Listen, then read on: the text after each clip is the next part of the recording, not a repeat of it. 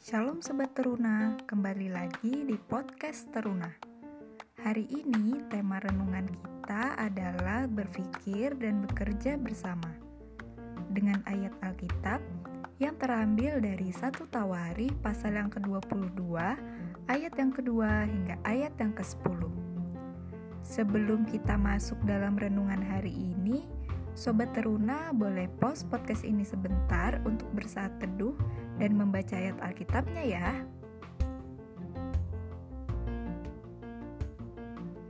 Sobat Teruna pasti inget kan tanggal 22 Desember ini diperingati hari apa? Iya betul, Hari Ibu. Jangan lupa, setelah ini ucapkan selamat Hari Ibu kepada ibu kita dan doakan yang terbaik baginya.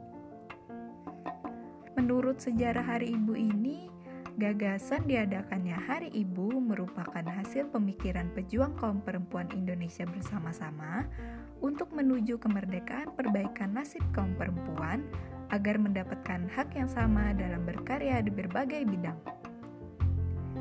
Pelajaran yang sama juga dapat kita ambil pada ayat Alkitab hari ini. Raja Daud juga membutuhkan pemikiran dan kerjasama untuk persiapannya mendirikan bait suci.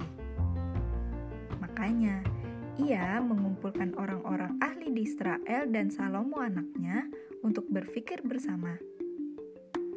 Dengan berpikir bersama itulah, Raja Daud membagi visi dan misinya dalam membangun bait suci yang akan dilakukan Salomo sesuai dengan perintah Tuhan.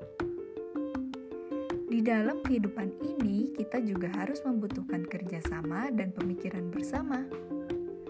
Ketika ada teman kita yang lemah, kita menguatkan. Begitu juga sebaliknya.